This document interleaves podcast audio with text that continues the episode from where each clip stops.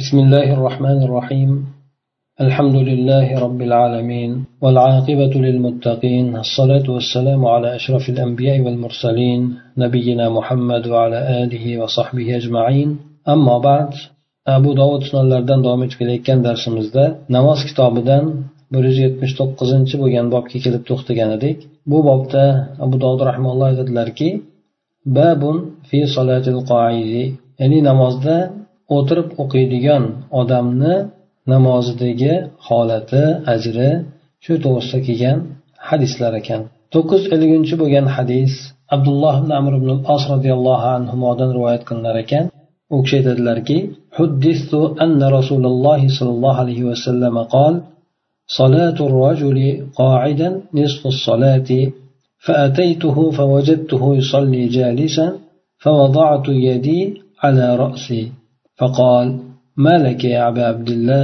عبد الله بن عمرو.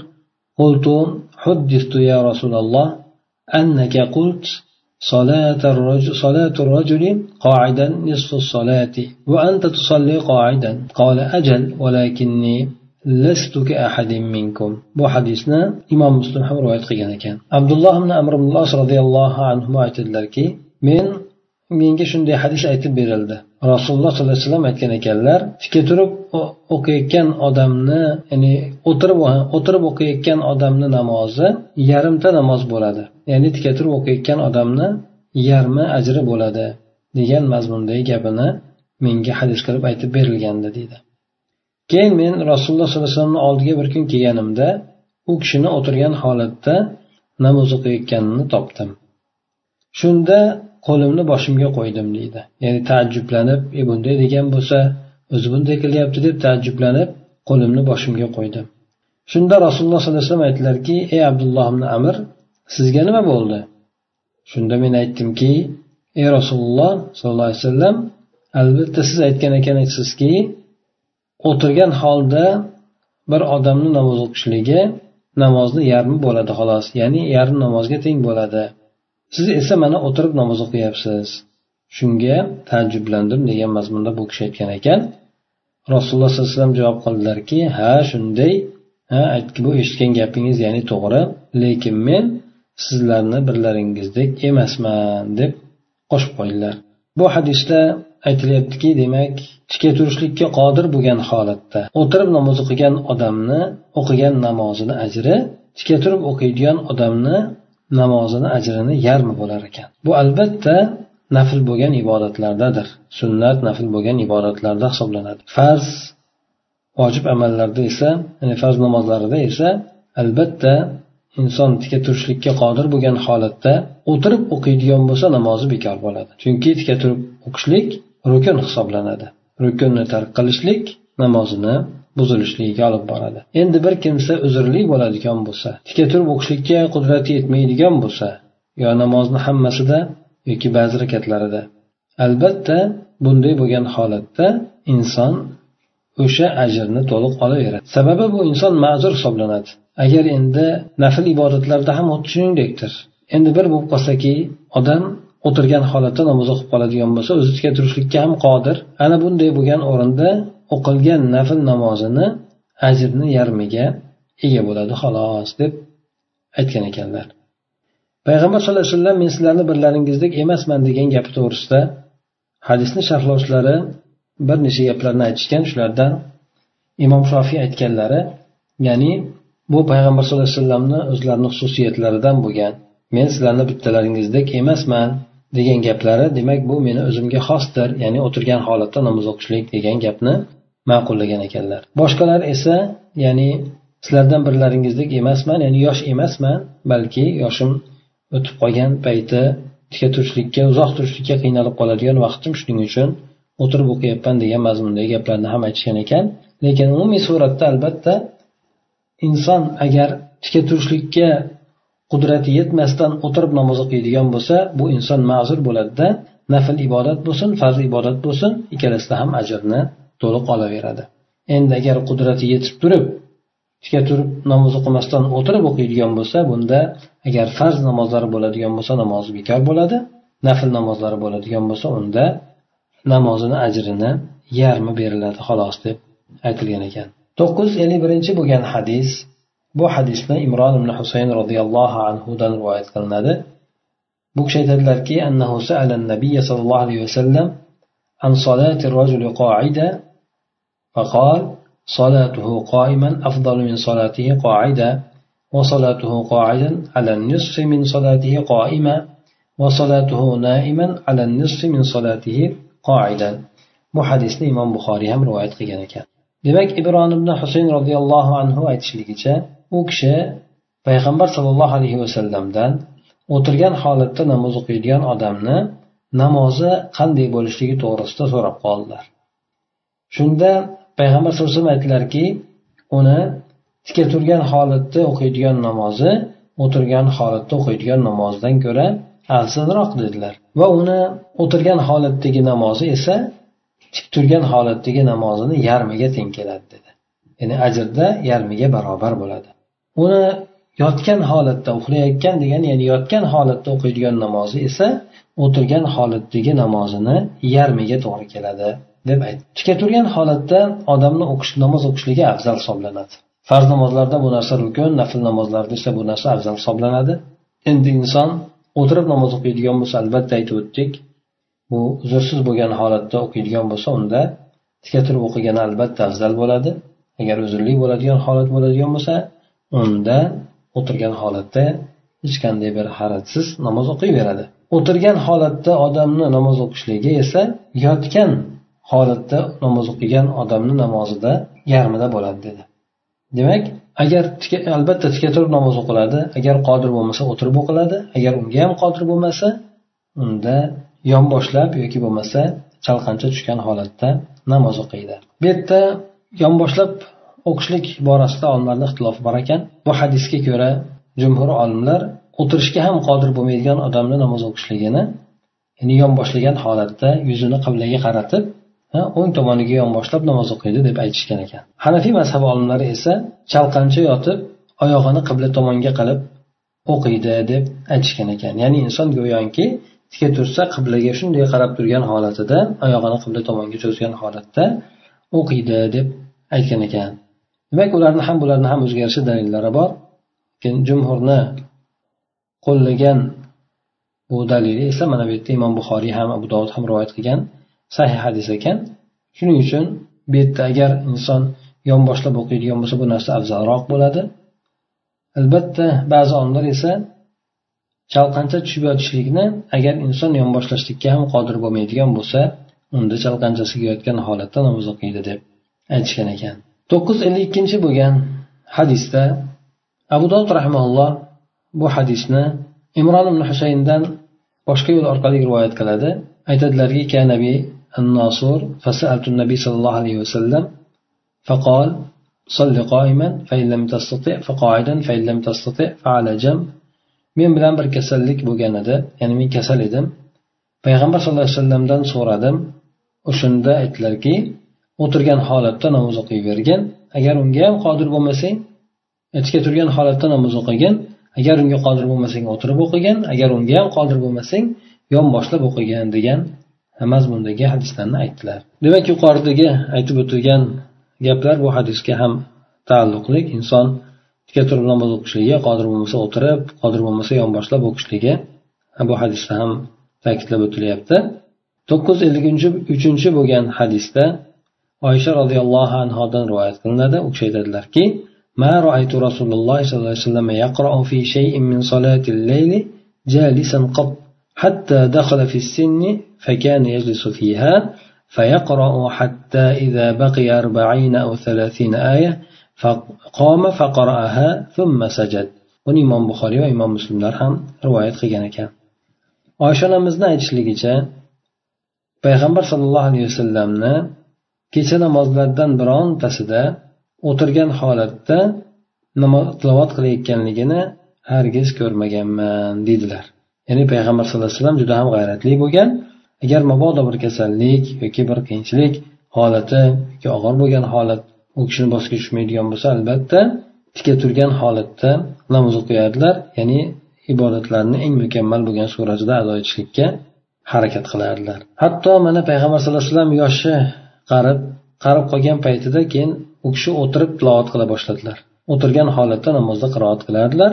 Hatto o'ttizmi qirqmi oyat qolgan paytida o'rinlaridan turardilarda o'shani o'qib qo'yardilar so'ng tashahhud so'ng undan keyin sajda qilardilar deydi. Mana bu yerdagi bo'lgan hadisda oysha onamiz payg'ambar sallallohu alayhi vasallamni holatlarini u kishi o'zi o'zlari ko'rgan holatlarni bayon qilib aytyaptilarki rasululloh kecha namozlardan birontasida o'tirgan holatda o'qimasdilar namoz o'qimasdilar yoki qiroat qilmasdilar deb keltiradi. Sababi payg'ambar sallallohu alayhi vasallam juda ham g'ayratli bo'lgan shuning uchun ibodatni mukammal bo'lgan suratda ado etishlikka harakat qilardilar. Agar mabodo keyinchalik yosh qarib qolgan paytlarida undan keyin o'tira boshladilar deydi o'tirib tilovat qilardilar. Hatto o'shanda ham o'ttiz oyat yoki qirq oyat atrofida qolgan paytida ya'ni taborak surasicha qolgan paytida o'rnlaridan turardilarda keyin o'sha qolgan oyatlarni o'qib qo'yardilar keyin sajda ruku qilib sajda qilardilar ya'ni tika turgan holatiga yana qaytardilar bundan keyingi bo'lgan hadisda to'qqiz yuz ellik to'rtinchi bo'lgan raqamli ekan hadis bu ham oysha onamizdan rivoyat qilingan payg'ambar alayhisalomni ayollari aytadilarki anna nabiy sallallohu alayhi vasallam kana yusolli jalisan فيقرأ وهو جالس وإذا بقي من قراءته قدر ما يكون ثلاثين أو أربعين آية قام فقرأها وهو قائم ثم ركع ثم سجد ثم يفعل في الركعة الثانية مثل ذلك buni imom buxoriy va imom muslim ham rivoyat qilgan ekan yuqoridagi bo'lgan hadisni boshqa rivoyat yo'ldan kelib kelayotgani bunda ham ayni mazmun aytilgan ruku qilishligi sajda qilishligini ta'kidlab o'tildi bu yerda keyin ayni mana shu narsani ikkinchi rakatda ham qaytaradi undan keyingi to'qqiz yuz ellik beshinchi bo'lgan hadisda bu hadisni yana oysha onamizdan rivoyat qilinyapti u kishi aytadilarki كان رسول الله صلى الله عليه وسلم يصلي ليلا طويلا قائما وليلا طويلا قاعدا فإذا صلى قائما ركع قائما وإذا صلى قاعدا ركع قاعدا buni imom muslim ham rivoyat qilgan ekan rasululloh sollallohu alayhi vasallam uzun kechada tika turgan holatda namoz o'qiyardilar ya'ni kechada uzun namoz o'qib ibodat qiladigan bo'lsalar tika turgan holatda ham o'qiyardilar o'tirgan holatda ham namoz o'qiyardilar agar tika turgan holatda namozni boshlagan bo'lsalar tika turgan holatda ruku qilardilar garchi o'rtasida o'tirib bo'lgan bo'lsalar ham agar o'tirgan holatda namozni boshlagan bo'lsalar unda rukuni o'tirgan holatda qilardilar deydi.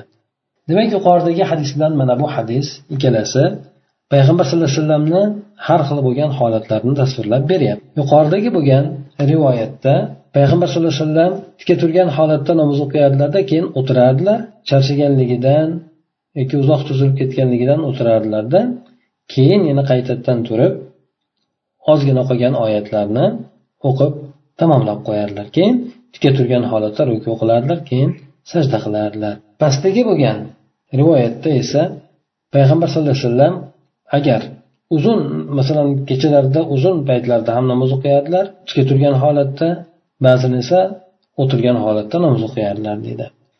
Agar u kishi tika turgan holatda namozni boshlagan bo'lsalar ya'ni quloqni tika turgan holatda quloq qoqqan bo'lsalar rukuni ham tika turgan holatda qilardilar orasida garchi o'tiradigan bo'lsa ham. Mana rukuga kelgan paytida tika turib turib ruku qilardilar. Endi agar o'tirgan holatda quloq qoqib boshlagan bo'lsalar o'tirgan holatda ruku qilaveradilar deydi. Shuning uchun aytishadiki bu yerda inson qanday holatda namoz o'qishligi. Farz bo'lganida albatta aytib o'tdik tika turgan holatda namoz o'qiydi. Illo ma'zur bo'ladigan bo'lsa unda o'tirib o'qiydi.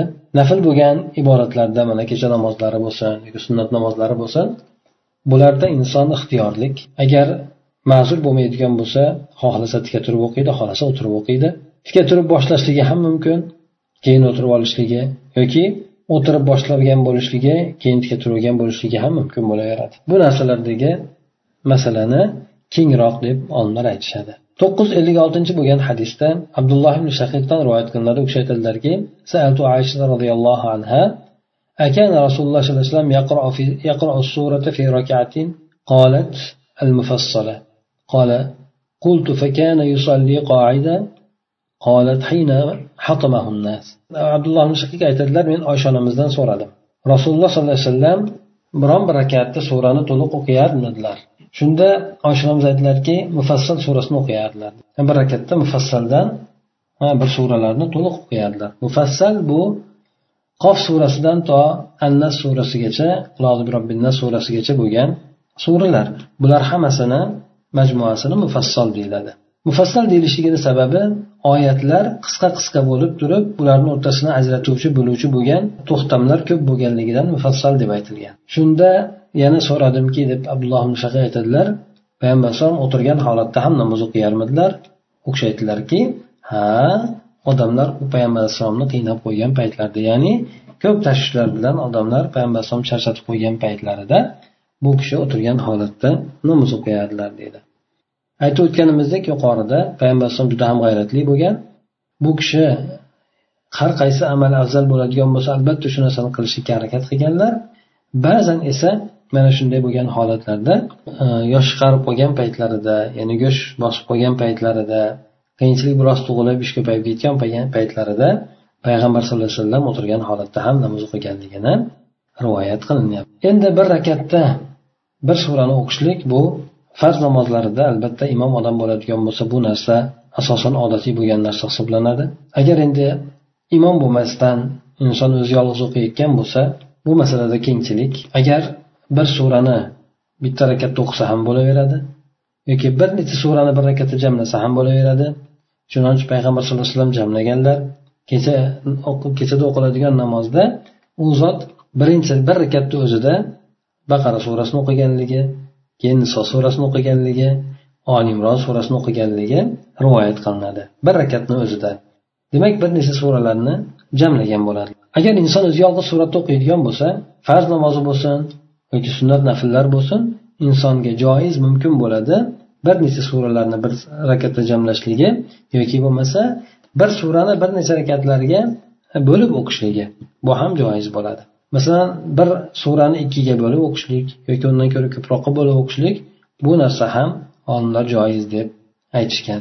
Tartib bo'yicha suralarni o'qishlikdagi tartib bo'yicha aytadigan bo'lsak bunda ham olimlar aytadiki bu masalada ham kengchilik lekin ba'zi olimlar aytishadiki ba'zi mazhab olimlar aytishadiki albatta tartib bo'lishligi kerak.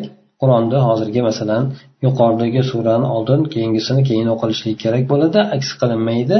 Lekin buni aytib o'tganimizdek payg'ambar alayhissalomni kecha namozda o'qigan holatlari ya'ni u kishi baqarani o'qiganligi birinchi boshlab keyin oli imronda keyin nisoni o'qiganligi bu narsalar albatta oradagi tartibni bo'lsa afzal lekin agar mabodo tartib bo'lmaydigan bo'lsa buni zarari yo'q ekanligini ifoda qiladi.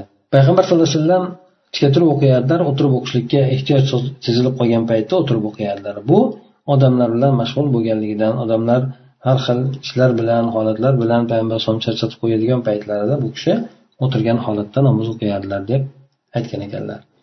Undan keyingi bo'lgan bob bir yuz saksoninchi bo'lgan bob. Abu dovud rahmanalloh aytadilarki babu kayfa julusu fit tashahhudi.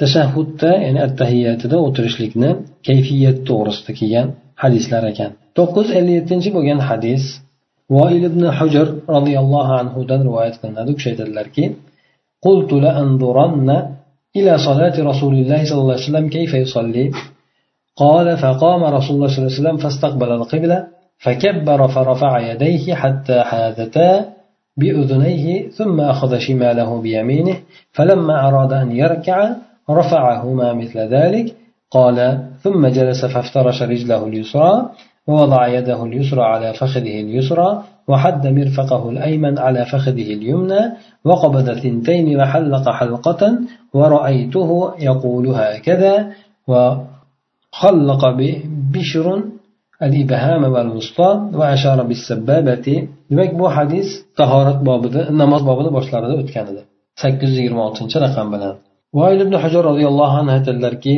من بر قسم يشب الصمنا namozlariga qarayman dedim. U kishi qanday namoz o'qiyotganligini o'rganaman. Shuni kuzataman deb o'zimga o'zim aytdim deydi keyin payg'ambar sallallohu alayhi vasallamni namozini bu kishi sifatlab aytadilarki rasululloh sollallohu alayhi vasallam o'rnidan turdilar namoz uchun turdilar hamda qiblaga yuzlandilar. Takbir aytdilar ya'ni takbirat ehromni aytdilar qo'llarini ko'tardilar hattoki ikkala qo'llari quloqlariga barobar bo'ldi. So'ng chap qo'lini o'ng qo'li bilan chap qo'lini ustiga o'ng qo'lini qo'yib ushladilar. Va endi ruku qilishlikni xohlagan paytlarida ikkala qo'lini yana xuddi shuningdek ko'tardilar dedi. Xuddi takbirat ehromda ko'targani kabi ruku qilayotgan paytda ham qo'llarini ko'tardi. So'ng undan keyin o'tirdilar. Rukudan sajdaga sajdaga borib o'tirdilarda chap oyoqlarini to'shadilar va chap qo'llarini chap sonlarini ustiga qo'ydi. Tirsakni esa o'ng tirsagini o'ng sonni ustiga tekkizmasdan qo'ydi. Haddi degani tekkizmasdan qo'yishlikni aytar ekan bu yerda. Ya'ni o'rtasini man qildi ajratib qo'ydi. O'ng tirsagini o'ng sonini ustida ajratib qo'ydi ya'ni tekkizmasdan ikkita barmog'ini chimchaloq va uni oldidagi nomsiz bo'lgan barmoqni changalladi va bir halqa tuzdi. Bir halqa qildi qo'li bilan. Dumaloq halqa qildi deb aytdilar. Shu yerda roviy aytadiki mana shunday holatda ko'rdim deydi. Roviylardan birisi bishir bosh barmog'i bilan o'rta barmog'ini halqa qildida keyin sabbobasi bilan ya'ni ko'rsatkich barmog'i bilan ishora qildilar. Mana shuni demak voil ibn hujur roziyallohu anhu rivoyat qilib o'tdilar. Payg'ambar sallallohu alayhi vasallamni namozini kuzatganligi va u kishi nima ishlarni qilgan bo'lsa zohirida bu kishi ham o'shalarni rivoyat qilganligini mana bu hadis orqali anglab olamiz ekan. Bu kishi sifatlab aytdilarki payg'ambar alayhisalom tika turganlaridan keyin qiblaga yuzlanib turdilarda takbir aytdilar qo'llarini ko'tardilar. Takbir aytgan paytlarida qo'llarini ko'tarib hatto quloqlarini e, yumshog'igacha yoki quloqlarigacha barobar qildi. So'ng qo'lini chap qo'lni o'ng qo'li bilan bu yerda uni qayerga qo'yganligi aytilmadi. Ko'kraklarigami ko'krak ostlarigami yoki kindik ostigami bu narsani bu yerda aytilib o'tilgani yo'q. Lekin qaysi bir holatni qiladigan bo'lsa ham namoz sahiy bo'laveradi. Hadislar kelgan lekin hadislar ba'zilari ba'zilaridan ko'ra sal quvvati boru lekin zaifroq deb aytishadi. Shuning uchun bu yerda ko'krakni ostiga kindikni tepaga qo'yishligi rivoyat jihatdan biroz quvvatliroq hisoblanadi. E, lekin qaysi bir holatda qo'lini ko'kragiga qo'yibmi ko'krak ostiga qo'yibmi kindik ustigami kindik ostigami qo'yibmi o'qiladigan bo'lsa albatta bu namozi durust bo'laveradi deb aytishadi. Keyin yana keyin bu yerda ba'zi payg'ambar sallallohu alayhi vasallamni namozda o'qigan sifatlarini aytib o'tildiki o'tirgan paytlarida ya'ni rukuda ham shuni qo'llarini ko'tardilar deydi. Rukuda undan keyin boshqa rivoyatlarda ham keladi. Rukudan turgan paytida ham keyin ikkinchi rakatdan o'tirib turgandan keyin ham mana shunday qo'lni ko'targanligi rivoyat qilinadi to'rt o'rinda. So'ng payg'ambar sallallohu alayhi vasallam tashahhudga o'tirdilar. Bu yerda tashahhudni qaysi ekanligi aytilgani yo'q. Ikki rakatlik namozdagi tashahhudmi yoki uch rakat to'rt rakatda turib ketishlikdan oldin o'tirib olishlikmi? Mana buni bu yerda aytilmasdan mutlaq suratda qoldirildi. Chap oyoqlarini to'shadilar chap oyog'ini to'shayladilar to'shadilar va o'zi aslida chap oyog'ini to'shab turib ustiga o'tiriladi. Chap qo'lni esa chap sonni ustiga qo'ydi.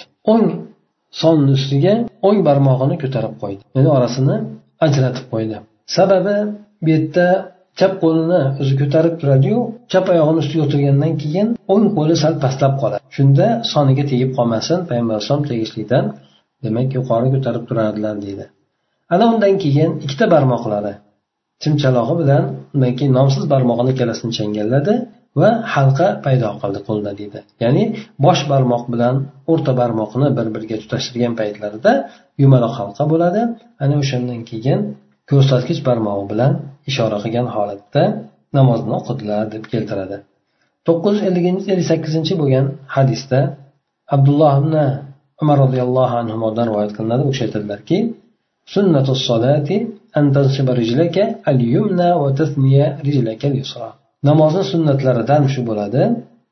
O'ng oyog'ingizni o'rnatib turishligingiz hamda chap oyog'ingizni bukib turishligingiz deb keltiradi. O'ng oyog'ini tikka qilib chap oyog'ini bukib turishligini mana bu yerda aytib sunnatdan deb aytib o'tilyapti. To'qqiz yuz ellik to'qqizinchi bo'lgan hadis bu ham ayni abdulloh ibn umar roziyallohu anhudan rivoyat qilinadi. U kishi aytadilarki ya'ni chap oyog'ingizni to'shashligingiz va o'ng oyog'ingizni tika qilib turishligingiz bu sunnatdan deb aytgan ekan. Namoz o'qiyotgan paytda qadida o'tirgan vaqtlarida chap oyoqni to'shab ustiga o'tirishligi hamda o'ng oyoqni tikka qilib turishligi mana bu narsa sunnatdan ekan. Undan keyingi bo'lgan hadislar to'qqiz yuz oltmish ikkinchi bo'lgan hadis bu hadisni alboniy rahmaulloh zaif deb ishora qilgan ekan bunda ham aytib o'tiladiki كان النبي صلى الله عليه وسلم إذا جلس في الصلاة افترش رجله اليسرى حتى سود ظهر قدمه payg'ambar sallallohu alayhi vasallam agar namozda o'tiradigan bo'lsalar chap oyog'ini to'shardilar hatto mana to'shaganligidan chap oyog'ini yerga tekkizib o'tirganligidan oyoqlarini tepa tomoni qorayib ketgan edi. Ya'ni qabarib ketgan edi. Qabarganda qorayib ketgan edi deb keltirib o'tadi bu hadis demak doif ekan. Shuning uchun bu hadisdan hukm olinmaydi. Bir yuz sakson birinchi bo'lgan bob. Bu bobni abu dovud rahimalloh aytadilarki namozni to'rtinchi rakatida ya'ni oxirgi uchinchi yoki to'rtinchi rakatda tavarruk o'tirishlik tavarruk o'tirishlik degani dumbasini chap chap dumbasini yerga qo'yib o'tirishlik. Mana shuni zikr qilgan shuroviylar to'g'risida olimlar to'g'risida ularni dalillari to'g'risida dalillarni keltirib o'tyapti. To'qqiz yuz oltmish uchinchi bo'lgan hadisda abu dovud rahmaulloh abu humayd as roziyallohu anhuni rivoyat qilgan hadisdan keltirib o'tadi. Ularda esa muhammad ibn amr ibn ato rivoyat qiladiki men abu humayd as roziyallohu anhuni rasululloh sollallohu alayhi vasallamni sahobalardan o'ntasini ichida shunday deb aytayotganligini eshitdim ularni orasida abu qatoda roziyallohu anhu ham bor edi أعلمكم بصلاة رسول الله صلى الله عليه وسلم قالوا فاعرض فذكر الحديث قال ويفتح أصابع رجليه إذا سجد ثم يقول الله أكبر ويرفع ويثني رجله اليسرى فيقعد عليها ثم يصنع في الأخرى مثل ذلك. فذكر الحديث قال حتى إذا كانت السجدة التي فيها التسليم أخر رجله اليسرى وقعد متوركا على شقه اليسرى أيسر زاد أحمد قالوا صدقت هكذا كان يصلي ولم يذكر في حديثهما الجلوس في في ثنتين كيف جلس؟ أبو حميد الصعد رضي الله عنه aytdilarki men ya'ni sahobalarni orasida turgan holatda aytib o'tdilar men sizlarni ichlaringizda rasululloh sollallohu alayhi vasallamni namozini eng yaxshi biluvchilaringizman dedi. Shunda sahobalar aytishdiki bo'pti bo'lmasa bir aytib o'tingchi dedi. Ya'ni ko'ndalang qilingchi bizga bayon qilingchi qanday ekan? Agar haqiqatdan biz bilmagan narsalar bo'lsa qabul qilamiz bilganlarimiz teskarisi bo'ladigan bo'lsa munoqasha qilamiz ha agar sizga kuchli bo'ladigan bo'lsa tark etamiz degan mazmunda bular u kishi ko'ndalang qilishligini bayon qilishligini talab etishdi. Shunda abu humayd soji roziyallohu anhu hadisni aytib o'tdilar. Hadisni oralarida shuni aytdilarki payg'ambar sallallohu alayhi vasallam agar sajda qiladigan bo'lsalar oyoqlarini barmoqlarini ochardilar.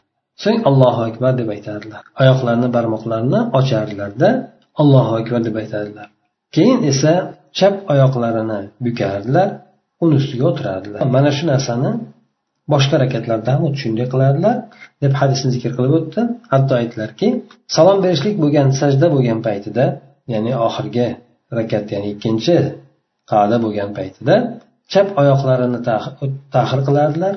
Ya'ni chap oyoqlarini dumbalarni ostidan o'tkazardilar o'ng oyoqlarini ostlaridan o'tkazardilar boshqa rivoyatlarda ham keladi. Va u kishi chap tomoniga dumbasini qo'yib o'tiradi. Imom ahmad ziyoda qilgan ekanki sahobalar aytishdiki shunda to'g'ri aytdingiz payg'ambar alayhisalom mana shunday namoz o'qiyardi dedilar. Bu ikkalasi ham bu ikkala hadisda payg'ambar alayhissalom ikkinchi rakatda qanday o'tirganligini zikr qilishmadi deb aytib o'tadi. Ikkinchi rakatda yuqorida hadislarda aytib o'tildi. Oyoqlarini yerga to'shab bir chap oyog'ini yerga to'shab o'ng oyog'ini tikka qilib o'tirishligi aytib o'tildi. Bu masala borasida olimlarni ixtilofi bor. Tavarruk ya'ni dumbasini qo'yib o'tirishlik e, afzaliyati to'g'risida. Imom molik rahimaulloh ikkinchi rakatda ham uchinchi to'rtinchi rakatda ham ikkinchi qalda birinchi qaldida ham tavarruk holatda o'tirishlikni afzal deb aytgan ekan. Imom shofiy rahimalloh esa hozirgi aytib o'tilgandek ya'ni agar namoz uch rakatlik yoki to'rt rakatlik bo'ladigan bo'lsa ikkinchi qadasida chap dumbasini yerga qo'yib o'tirishligi oyog'ini dumbasini ostidan o'ng oyog'ini ostidan chiqarib yuborishligi mana shunday holatda o'tirishligi afzal deb aytgan. Abu hanifa rahimalloh esa ikkala qadada ham oyoqni to'shab dumbani o'sha oyoqni ustiga qo'yib o'tirishlikni afzal deb aytgan ekanlar. Mana bu hadis esa imom shofiy rahimalloh aytgan gaplarni tasdiqlaydi. Shuning uchun bularni aytgan rivoyatlarini quvvatlagan shu qo'llagan hujjatlarni kuchliroq deb olimlar aytishadi. Lekin hammasi joiz. Inson chap chap oyog'ini to'shab turib ustiga o'tirishligi ham yoki bo'lmasa chap oyog'ini o'ng oyog'ini ostidan o'tkazib yuborib chap dumbasini yerga qo'yib o'tirishligi ham tavarruk qilib yoki bo'lmasa ikkala oyog'ini ham o'tirgizib turib ya'ni shuni ustiga ikkala oyog'ini ustiga o'tirib olishligi ham bu narsalarda hammasi namoz o'qiydigan bo'lsa namoz namoz bo'laveradi. Lekin bu yerda afzaliyat bobida olimlar demak ixtilof bor ekan aytib o'tildi. Imom molik rahimaullohda ikkala qadida ham tavarruk o'tirishlik afzal deydilar. Abu hanifada esa ikkalasida ham oyoqni tushib o'tirishlik afzal deb bilindi aytildi. Imom shofiyda esa tafsiloti bilan ikki rakatli namozlarda to'g'ri oddiy o'tirib o'qishligi uchinchi to'rtinchi rakati bor bo'lgan namozlarda shom xufton yoki asr peshin namozlariga o'xshash. Mana bularda esa e, to'rtinchi oxirgi rakatlarda dumbasini yerga qo'yib o'tirishlik mana bu afzal deb aytishadi. Allohu alam. To'qqiz yuz oltmish to'rtinchi bo'lgan hadis mana shu hadisni e, boshqa bir rivoyati yo'ldan kelyapti. Bu yerda ham abu qatodani zikr qilmagan ekan ikkinchi rakatda o'tirgan paytda chap oyoqlarini ustiga o'tirdi deb keltirib o'tyapti. Oxirgi rakatga o'tirgan paytda esa chap oyog'ini oldin qilib e, va dumbasiga o'tirdi deb keltiryapti ya'ni chap oyog'ini oldinga o'tkazib yuborib turib ya'ni o'ng oyog'ini tagidan o'tkazib yuborib turib o'tiradigan joyiga ya'ni dumbasiga o'tirganligini tavarruk qilib o'tirganligini aytib o'tilyapti to'qqiz yuz oltmish beshinchi bo'lgan hadisda ham ayni mana shu masala to'g'risida keladi bu yerda aytadilarki كنت في مجلس بهذا الحديث قال فيه فإذا قعد في الركعتين قعد على بطن قدمه اليسرى ونسب اليمنى فإذا كانت الرابعة أفضى بوركه اليسرى إلى الأرض وأخرج قدميه من ناحية واحدة bu hadis ham avvalda o'tgan hadislardan ekan shunda aytib o'tiladiki muhammad ibn amr al omiriy aytadilarki biz mana shu hadisdagi bo'lgan bir majlisda o'tirgan edik mana shu sababidan bir yig'ilishda o'tirgan edik bunda aytildiki hadislarni ichida ikkinchi rakatga payg'ambar alayhisalom o'tirgan paytlarida oyog'ini ichki tomonlarini chap oyog'ini ichki tomonlarini ustiga o'tirdilar va o'ng oyoqlarini esa e, tikalab o'tirdilar. Ya'ni biz hozirgi o'zimiz o'tirishimizda shunday o'tirdilar. To'rtinchi rakat bo'lgan paytlarida esa chap dumbalarini yerga qo'yib o'tirdilar. Ikkala oyoqlarini esa bir tomonga chiqardilar deb keltirib o'tadi. Mana bu rivoyat bu ham sahih rivoyat ekan sizlarga ma'lum ma'lum bo'lsa kerak albatta bizda bu holatni ayollarga nisbatan aytishadi. Ya'ni ayollar chap dumbalarni yerga qo'yib ikkala oyoqlarini bir tomondan chiqarib o'qishadi. Mana buni ayollarga xos ya'ni ayollar o'tirishligi mana shu narsa ularni holatiga munosib keladi degan mazmunda ayollarga xos deb aytishgan. Lekin mana bu yerda payg'ambar alayhissalomni o'zlaridan ham shunday o'tirib o'qiganligi to'g'risida rivoyat kelyapti. To'qqiz yuz oltmish oltinchi bo'lgan hadis bu hadis doif ekan. Bunda abu dovud rahmaulloh bu hadisni ayyas ayyash ibn ayyas ibn sal saadiydan rivoyat qiladi o'sha aytadilarki قال فسجد فانتصب على كفيه وركبتيه وصدور قدميه وهو جالس فتورك ونصب قدمه الأخرى ثم كبر فسجد ثم كبر فقام ولم يتورك ثم عاد فركع الركعة الأخرى فكبر كذلك ثم جلس بعد الركعتين حتى إذا هو أراد أن ينحض للقيام قام بتكبير ثم ركع الركعتين الأخريين فلما سلم سلم عن يمينه وعن شماله bu hadisda aytadilarki abbos ibn yoki ayyosh ayyosh ibn sahl saidiy aytadiki bu kishi otasi o'tirgan bir yig'inda o'tirib qolgan ekan o'shani ichida aytib o'tilgan ekanki bu kishi aytdilar ya'ni fasajada ya'ni sajda qildilar kafini ustini ikkala kaffi tizzasi shularni ustiga o'rnashdi va ikkita oyoqlarini oldingi tomonlari. Ya'ni inson sajda qilgan paytida yuzi peshonasidan tashqari ikkala kaffini yerga qo'yadi tizzalarini yerga qo'yadi hamda oyoqlarini uch qismlarini yerga qo'yadi. Oyog'ini tikka qilib uch qismlarini yerga qo'yadi. Undan keyin payg'ambar alayhisalom o'tirdilar tavarruk qildilar keyin. Yana necha dumalarini yerga qo'yib o'tirdilar o'ng oyoqlarini esa tikka qildilar. So'ng takbir yana sajda qildilar. So'ng takbir aytib o'rnidan turdilar. Bu yerda tavarruk qilmadilar. So'ng payg'ambar alayhissalom yana qaytib avvalgi boshqa rakatni o'qidilar. Yana bunda ham xuddi shunday takbir aytdilar. Ikkinchi rakatdan keyin o'tirdilar. Hatto o'tirgan paytlarida turib ketishlikni xohlagan paytlarida takbir aytib turdilar. So'ng ikkita keyingi rakatni uchinchi to'rtinchi rakatlarni o'qidi. Undan keyin salom berdilar. Salom bergan paytda o'ng tomonda keyin esa chap tomondan qilib berdilar deb keltirib o'tadi. Bu hadis payg'ambar alayhisalom o'sha ba'zi holatlarni sifatlab o'tyapti lekin bu hadis zaif bo'lganligidan bundan hukm olinmaydi. Undan keyingi bo'lgan to'qqiz yuz oltmish yettinchi bo'lgan hadisda e, bu hadisda ham yuqoridagi bo'lgan hadisni e, boshqa bir rivoyat yo'lidan keltirib o'tilyapti. bu yerda ba'zi narsalarni zikr qilinmaganligi aytib o'tilyapti ولم يذكر الرفع إذا قام من الثنتين ولا الجلوس حتى إذ فرغ ثم جلس فافترش رجله اليسرى فأقبل بصدره اليمنى على قبلته ya'ni bu yerda ikkita rakatdan turgan paytda o'sha turishlikni zikr qilmagan o'tirishganligini ham zikr qilmagan bu sahih bo'lgan rivoyatda keyin u kishi o'sha namozdan bo'shab e, oxirgi bo'lgan paytda rukulardan sajdalardan bo'shagan paytda o'tirdilarda chap oyoqlarini tushirdilar va o'ng oyoqlarini uch qismlarini esa qiblaga qilib turdilar deydi. Ya'ni tikka qilib o'sha qibla tomonga qilib turdilar deb keltirib o'tadi. Demak tashahhudga o'tirgan paytida ikkinchi rakat bo'ladigan bo'lsa ikki rakatli namoz o'qiladigan bo'lsa olimlar bil ittifoq aytishadiki chap oyog'ini to'shab o'ng oyog'ini tikka qilib o'tiradilar deydi. Endi undan keyingi uch rakatli bo'lsa yoki to'rt rakatli bo'ladigan bo'lsa unda olimlarda ixtilof bor ekan. Imom molik ikkalasida ham tavarrukni ma'qul ko'rgan ekan. Abu hanifa rahimaulloh esa ikkalasida ham oyog'ini to'shab o'tirishligini bu kishi afzalroq deb bilgan ekan. Imom shofiy tafsilot bilan aytib o'tgan ekan. Mana bu yuqoridagi bo'lgan hadislar aytib o'tilgandek imom shofiyni qilgan tafsilotlarni biroz quvvatli edi.